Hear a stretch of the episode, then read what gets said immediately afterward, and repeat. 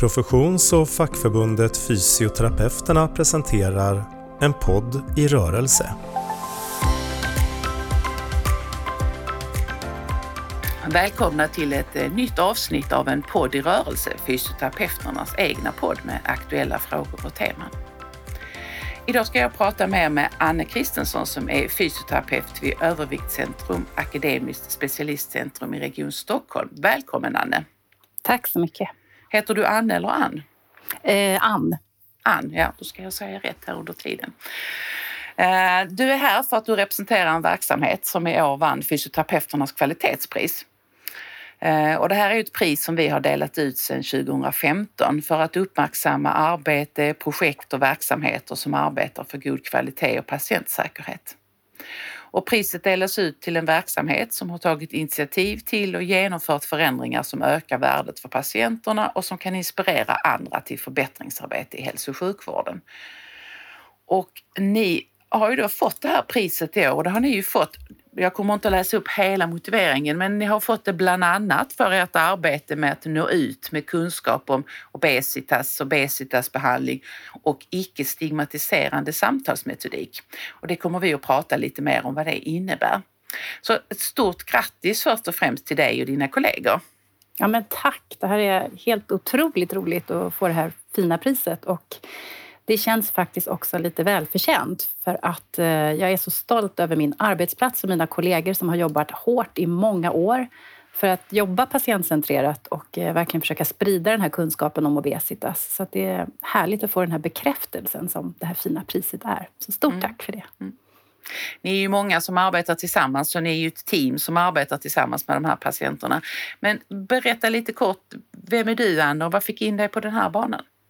Eh, jag är fysioterapeut från början och eh, jobbade ursprungligen på 90-talet med hjärt och kärlrehabilitering och höft och knäledsplastiker och sådär.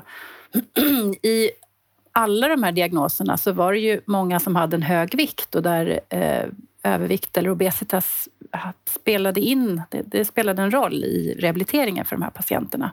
Och samtidigt så märkte jag att man som fysioterapeut mest lär sig att ge rådet att det är bra om du går ner i vikt också, både till knäplastikpatienter eller hjärtpatienter och sådär. Eh, men sen så började jag när jag jobbade i primärvården att eh, jobba med överviktsgrupper tillsammans med en duktig dietist som heter Lisa Tolvanen. Eh, och då blev jag väldigt intresserad av det här området och såg hela den här komplexiteten som det Så sen gick jag en utbildning i det och sen var jag med och startade Överviktscentrum 2001. Så att, att jobba med obesitas har jag funnits med länge och jag tycker det är jätteintressant. Mm, mm. Men ehm, du kan väl berätta lite mer om verksamheten. Vad, vad, vad är det ni gör som är så unikt och vad är det som gör att du tror att ni fick det här priset? Ja, men Överviktscentrum det är en specialistklinik som jobbar med obesitas bara och eh, obesitas är det som kallas fetma förut. Då. Och vårt uppdrag är uppdelat i tre delar kan man säga. Så en del är att behandla patienter med obesitas. En del är att utveckla och testa och ta fram nya metoder och pröva den nya forskningen kliniskt. Eh, och den tredje delen är just att nå ut med de här nya kunskaperna, att utbilda och eh, eh ja, försöka lära, förbättra vården även utanför oss. Eh, så att det här med att utveckla och förbättra vården har alltid funnits med. Och vi har ju haft chefer som också har uppmuntrat det här genom att skapa förutsättningar för det. De har satt av tid och de har låtit oss gå på internationella kongresser och, och har tid för att reflektera över det vi gör. Eh, mm. Så att jag tror att vi fick priset både för att vi har varit öppna för förändring och hela tiden har utvecklat och förbättrat. Men också att vi verkligen har jobbat med att nå ut med det vi lär oss. Så att, eh, eh ja, så att patienter inte bara ska få en god vård hos oss utan också få ett bra bemötande inom resten av hälso och sjukvården. Mm, mm. Jag funderar på det och det är ju verkligen en bra verksamhet som ni har eh, och jag tänker att Stockholm är ju en del av Sverige. Eh, vet du hur det ser ut i andra delar av Sverige? Finns det liknande verksamheter som er på andra ställen? Ja, det finns liknande verksamheter på några platser i Sverige. Det finns i Skåne, det finns i Västra Götalandsregionen till exempel. Eh, och även andra, eh, även om de inte är lika stora enheter. Då. Men tyvärr så är det så att i vissa delar av Sverige, eh, framförallt norröver till exempel, så finns det områden där det inte finns någon medicinsk obesitasbehandling överhuvudtaget. Så det är otroligt ojämlikt i landet beroende på var man bor. Mm, mm. Men om jag då befinner mig i en sån del av landet och behöver eh, stöd och hjälp med de här besvären, är det primärvården jag vänder mig till då?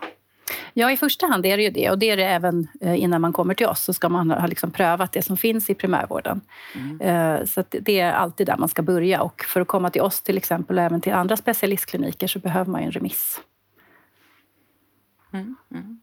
Hur ser, kanske inte hur, hur ser den typiska patienten ut, tänker jag? Ja, det, det, är en jättebra fråga, för det för mig ju in på det här att det finns verkligen inte en, en typisk patient, för det här är så otroligt heterogen grupp. Det enda mm. som de har gemensamt är att de har obesitas, det vill säga de har så pass mycket fettväv på kroppen att det skapar ohälsa. Eh, och för att komma till oss så ska man ju ha ett väldigt högt BMI och eh, också ofta eh, följdsjukdomar av sin obesitas. Men sen är det ju alla åldrar. Vi tar emot från 16 år och uppåt, då, men det är alla samhällsklasser, eh, kön, yrken, eh, områden. Du kan, du kan ha fått din obesitas eh, på väldigt många olika sätt. Det kan vara att du har haft en övervikt sedan du var barn. Det kan vara att du har fått det under en period när du har ätit läkemedel som har ökat din aptit. Det kan vara att du har levt livets goda dagar och gått på representationsmiddagar och eh, ätit flygplansmat och dubbla frukostar under några år. Eller du kan ha varit elitidrottare som sedan har blivit skadad och, fortsatt äta som du gjorde när du tränade och så vidare. Mm, mm. Så att, eh, det är en väldig blandning av personer. Mm, mm. Jag, jag, läste i siffrorna från Socialstyrelsen nu häromdagen att eh, vi ska se, mängden eh, sjukdom, livsstilssjukdomar minskar men man ser att övervikt och eh, viss cancer ökar.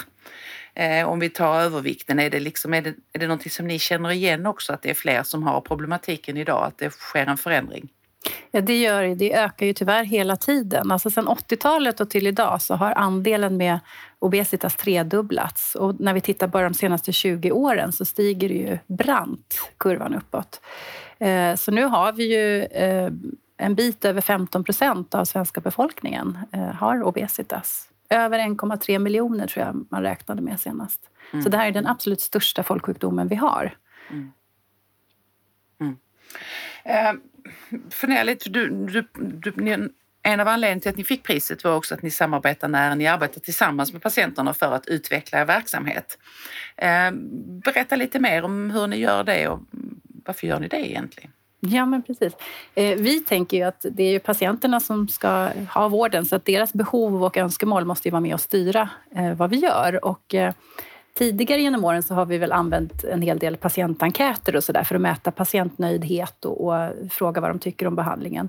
Men det är framför allt de senaste fem åren sedan vi kom med i den här organisationen som vi tillhör nu, Akademiskt specialistcentrum, eh, som vi har börjat använda oss mer eh, regelbundet av patienter. För där har de någonting som heter patientråd. Mm. Och det är regelbundna träffar med flera patientorganisationer, då, inte bara våra klienter då, utan från eh, diabetes, neurologi och så vidare.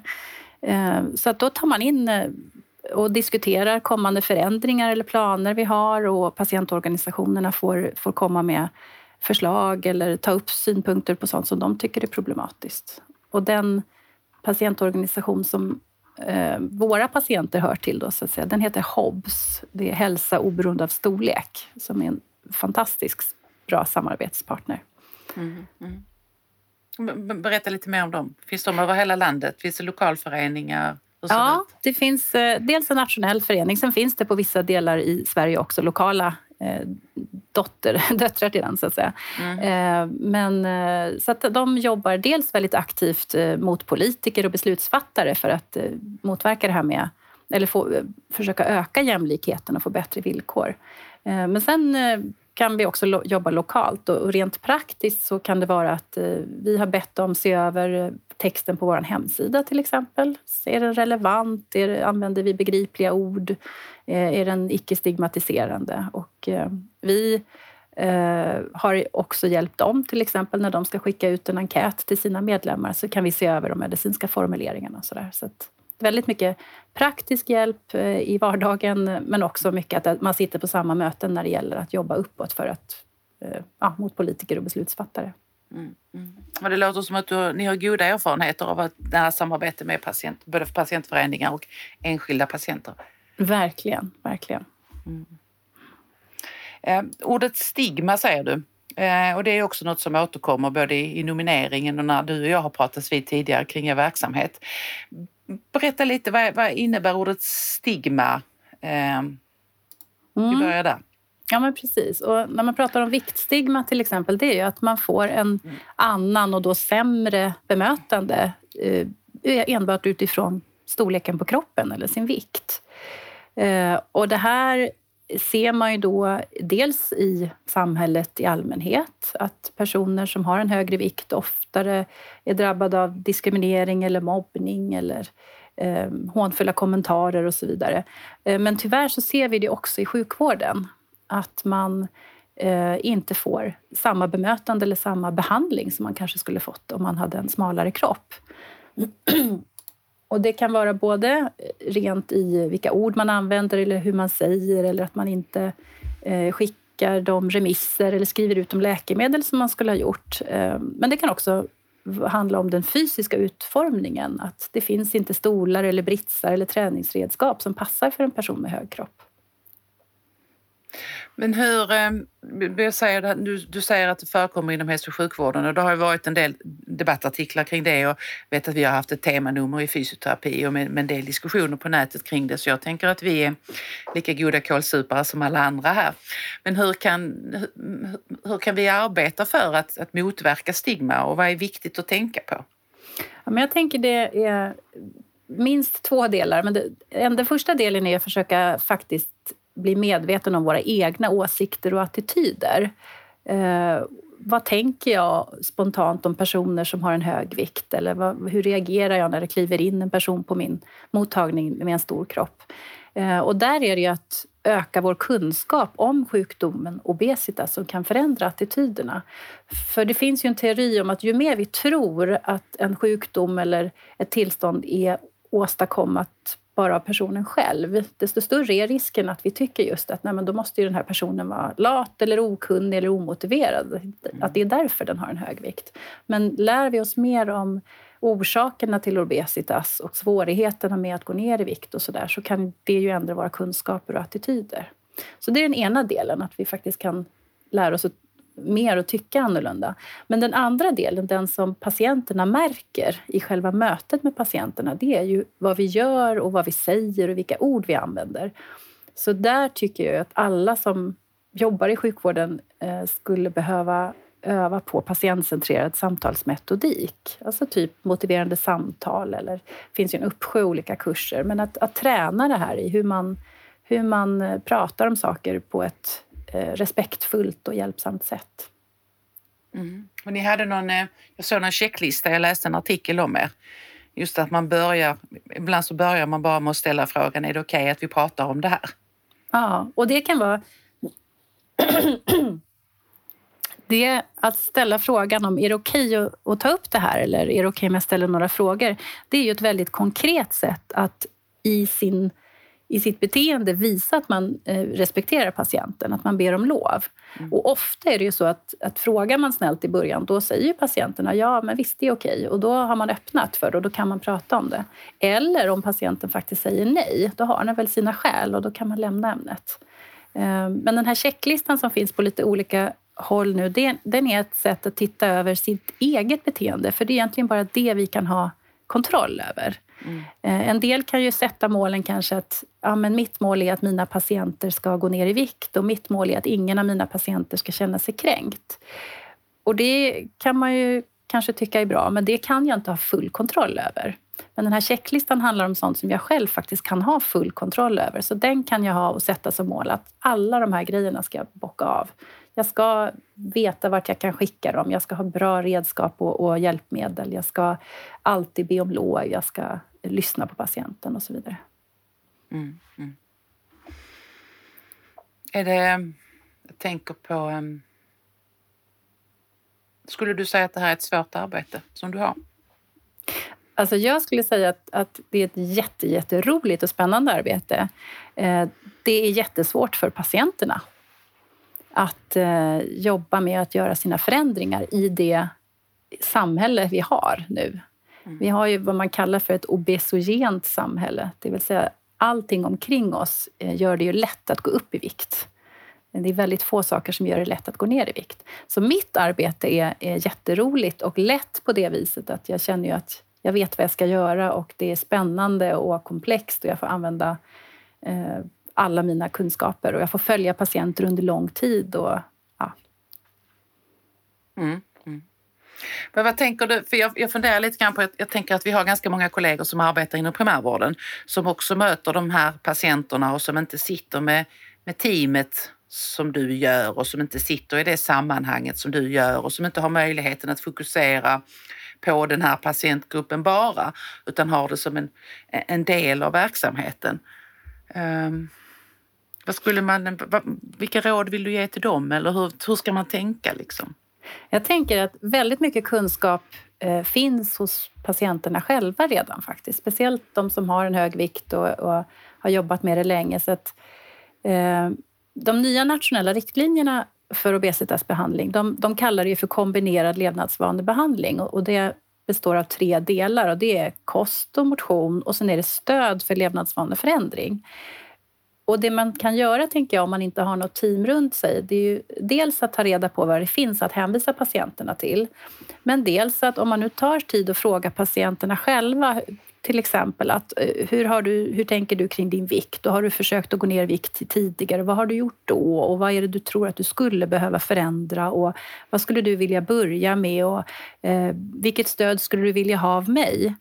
De frågorna kan räcka för då kommer det säkerligen visa sig att den här patienten har redan massa kunskaper om vad, hur man ska göra. Den har massa kunskaper om vad den skulle behöva börja med och starta med och har säkert också kanske idéer om vad den skulle behöva stöd med. Mm. Och då, man behöver inte liksom komma med all, alla lösningar själv utan det handlar kanske mer om det här att ge patienten utrymme och en, en plats där den kan i lugn och ro reflektera över det här och sortera upp det och sätta igång och sen få stöttning. Mm. Ja, jag tänker beteendeförändring, för det är det det handlar om.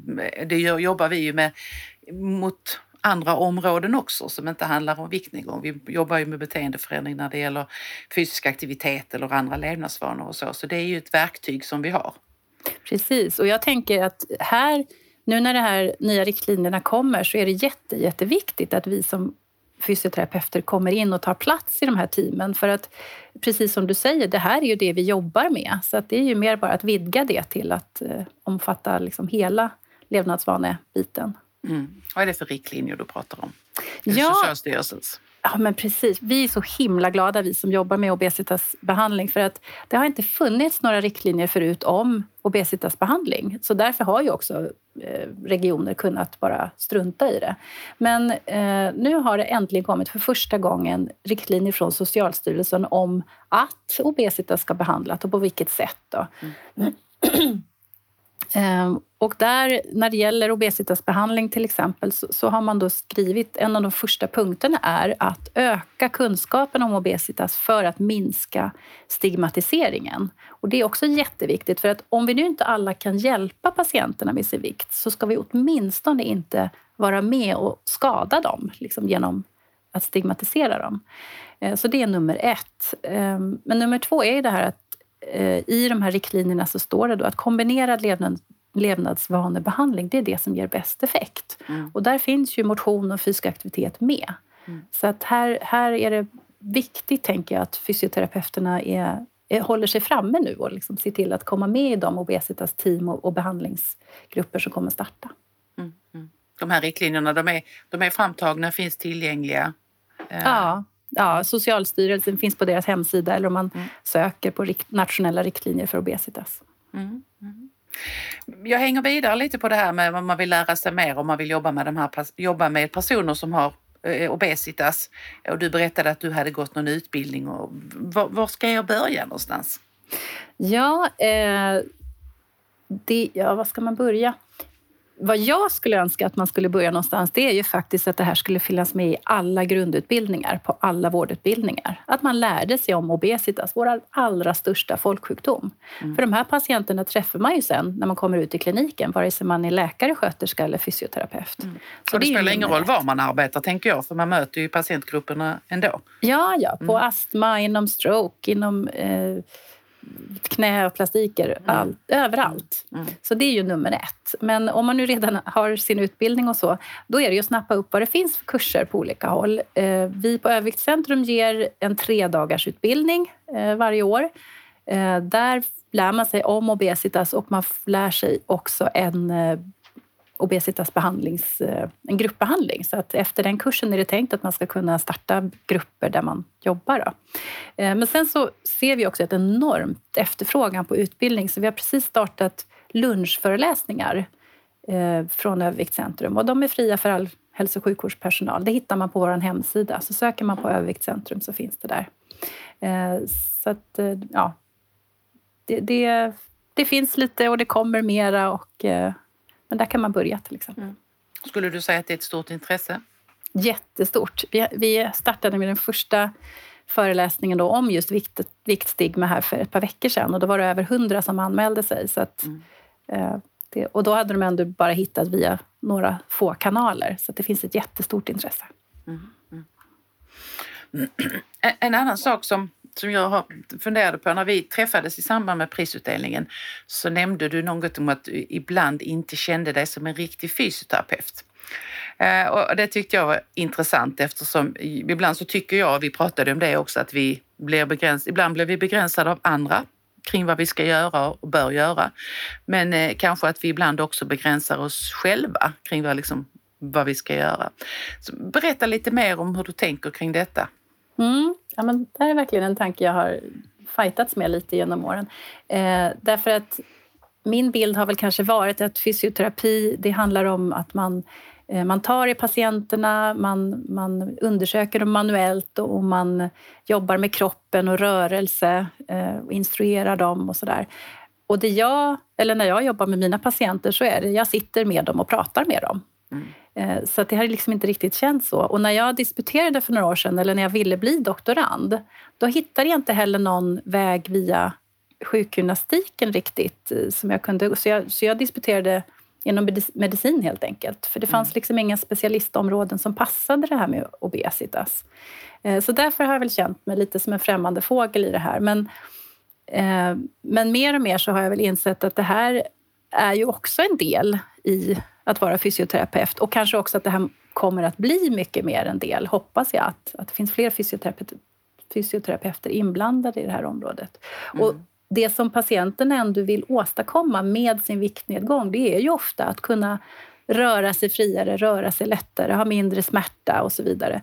Så att viktnedgång och att hjälpa dem till viktnedgång eh, på flera sätt, det, det berör ju ändå den här processen som vi är ute efter med att patienterna ska kunna röra sig. Mm, mm, mm. Ja, jag tycker det är intressant eh, som, som, diskussion eh, just vad det är som ja, hur, hur, hur begränsar vi och avgränsar vi? Det finns ju en, en, traditionell bild av vad en fysioterapeut är och vad en fysioterapeut brukar göra inom citationstecken. Mm. Eh, men idag så ser vi ju fysioterapeuter inom så många andra områden och på så många fler ställen än vad vi har gjort tidigare. Mm. Så det är, tycker jag är en möjlighet. Absolut. Eh, och jag tänker att vi behöver prata om det med varandra också, just den här möjligheten att finnas på olika ställen och jobba med olika saker.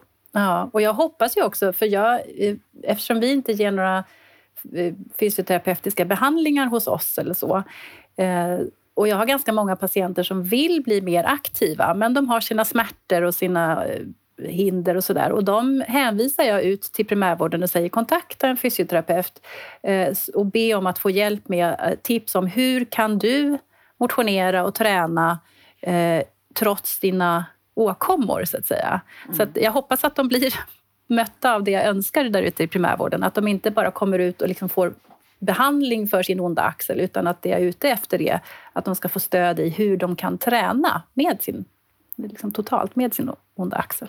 Mm, mm, mm. Ehm, det går, det går ju bra för er nu. Eh, ni får priser och ni syns och så. Men hur, ehm, hur ser framtiden ut för er verksamhet och vad tänker du att ni kommer att arbeta med? För att, vad vill ni utveckla framåt? Hur vill ni komma vidare? Ja, det som händer nu är ju det här jättespännande med alla nya obesitasläkemedel som är på gång faktiskt. Mm. Det har ju kommit några nu de senaste åren som, som verkligen är ett bra stöd för eh, levnadsvaneförändringar och det kommer flera eh, de närmsta åren. Så det är en, en stor förändring och det är ju jätteroligt att få följa med på det. Mm. Eh, så att där ska vi väl utveckla mer. Hur följer vi upp dem? Hur mycket behöver vi träffa de patienterna? Eh, ja, och hur kan det underlätta behandlingen helt enkelt. Mm. Eh, och den andra delen är ju det här med eh, ännu mer utbildning. För nu ser vi ju det här efterfrågan och behovet. Vi får jättemycket förfrågningar från folk som vill att vi ska komma ut och, och prata och utbilda och sådär. Och det är jättekul och det vill vi. Vi kanske inte kommer hinna alla. Så därför försöker vi utveckla ännu mer av de här digitala föreläsningarna för att kunna nå ut till så många som möjligt. Mm. Så läkemedel och mer att sprida kunskaperna så att fler kan arbeta. Är, är ni med i något nätverk? Jag tänker med de andra klinikerna som finns i Sverige. Eh, ja, det finns eh, ett eh, nätverk eller en organisation som heter SFO, Svensk förening för obesitasforskning där ju personer är representerade från hela landet. Så där finns jag och läkaren Ylva Trolle Lageros som är på Övikcentrum också. Vi finns med och representerar oss där. Och mm. där är ju representanter från de flesta stora specialistklinikerna i Sverige. Mm. Och där anordnades, anordnas det också eh, utbildningsdagar. Åtminstone en gång om året så har vi en obesitasdag. Så det kan jag tipsa om att gå med i SFO. Det kan eh, alla eh, hälso och sjukvårdspersonal göra. Eh, och då kan man gå på de här utbildningarna också. Mm. Är det någonting som vi eh, glömmer att prata om eller någonting som du känner att det här vill jag verkligen berätta om vår verksamhet eller hur vi arbetar? Um, ja, det, det, är väl, eh, det är väl den här önskan om att det i förlängningen ska utvecklas mycket mera kompetens i primärvården. För vi kan inte växa och så bli ofantligt stora och ta emot alla. Det funkar inte. Utan obesitasbehandling behöver finnas där patienterna finns, ute i primärvården. Mm. Så att som det är just nu så är det lite tufft att vara den liksom högsta instansen och ibland behöva skicka ut patienter som, som, som behöver fortsatt hjälp eller, eller någonting sånt. Och så vet vi att det inte alltid det fångas upp i primärvården. Så att det, den kanalen ut till eh, till primärvården behöver förbättras och att eh, kompetensen där ute behöver förbättras. Men vi har faktiskt några väldigt goda erfarenheter nu av att ha knutit några rehabcentrum till oss eh, där vi har pratat med dem, fysioterapeuterna och dietisterna, som, så att de är liksom beredda att ta emot de patienter som har gått klart hos oss. För man är ju inte färdig, man blir ju inte botad, utan den här sårbarheten för att gå upp i vikt finns ju med hela livet. Mm. Så att det känns ju jättebra för oss när vi skriver ut patienter och veta att det finns någon annan som kan ta vid om patienten vill det. Mm. Hur långa behandlings... Alltså är man inskriven? Jag förstår att ni, man är inte inlagd och så, man är ju hemma. Men är mm. man, hur länge är man inskriven eller hur ser en behandlingsperiod ut? Det är lite olika beroende på om man är vad vi kallar för ung vuxen, mellan 16 och 25, eller om man är över 25. Är man över 25, alltså äldre vuxen, så, att säga, så eh, då kan vi behålla patienterna upp till två år om man under den perioden verkligen märker att det, här, det händer saker. Man har nytta av, av behandlingen och det händer saker med levnadsvanorna. Men vi kan också skriva av patienter tidigare än så om vi upptäcker att ja, men det, det händer inget, det här funkar inte eller man, man hinner inte komma på sina besök eller en massa andra hinder. Nu är ju de patienterna som kommer till oss verkligen de som har svårast, så att mm. det är ofta multisjuka och sådär. Mm. Men funkar allt om man går på sin behandling och, och, så, så kan det vara ungefär två år. Och då har man kanske hunnit gå på sina individuella träffar, man har hunnit gå på våra kunskapsföreläsningar, man kanske har hunnit gå i någon grupp om det har varit aktuellt. Mm. Är man mellan 16 och 25 där är vi lite mer eh, öppna för att eh, vi bryr oss lite extra om dem. De är i början av, av sitt liv och eh, där behåller vi dem fem år.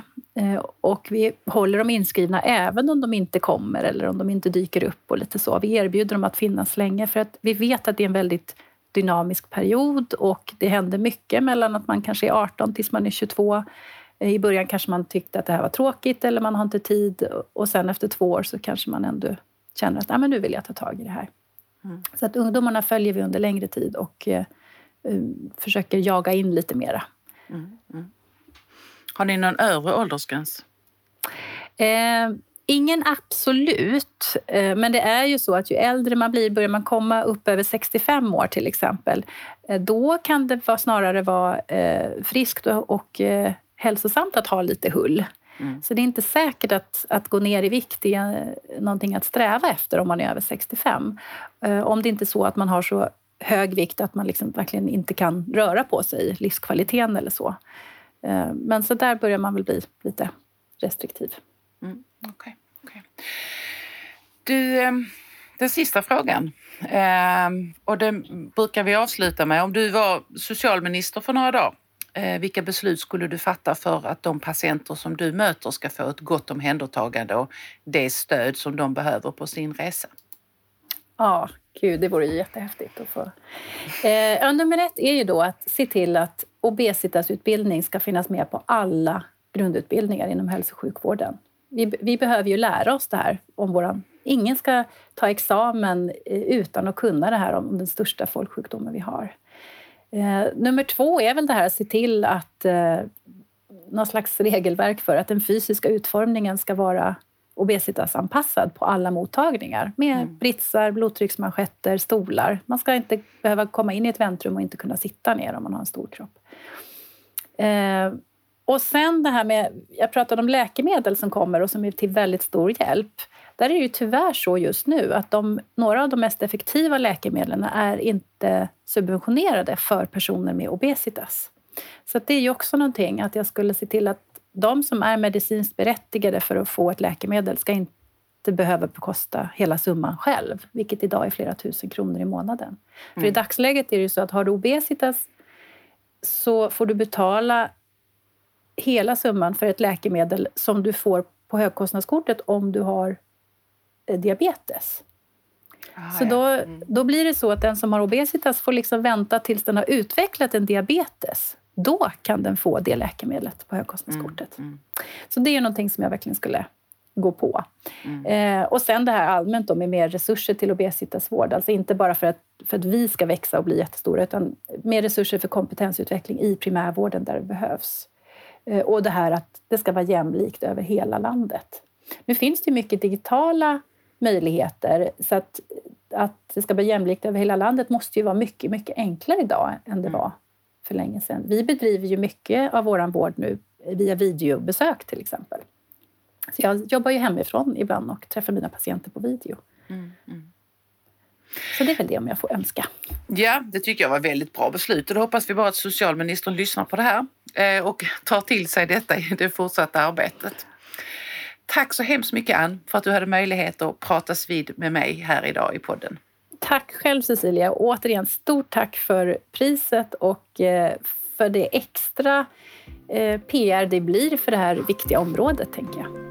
En podd i rörelse presenterades av Fysioterapeuterna.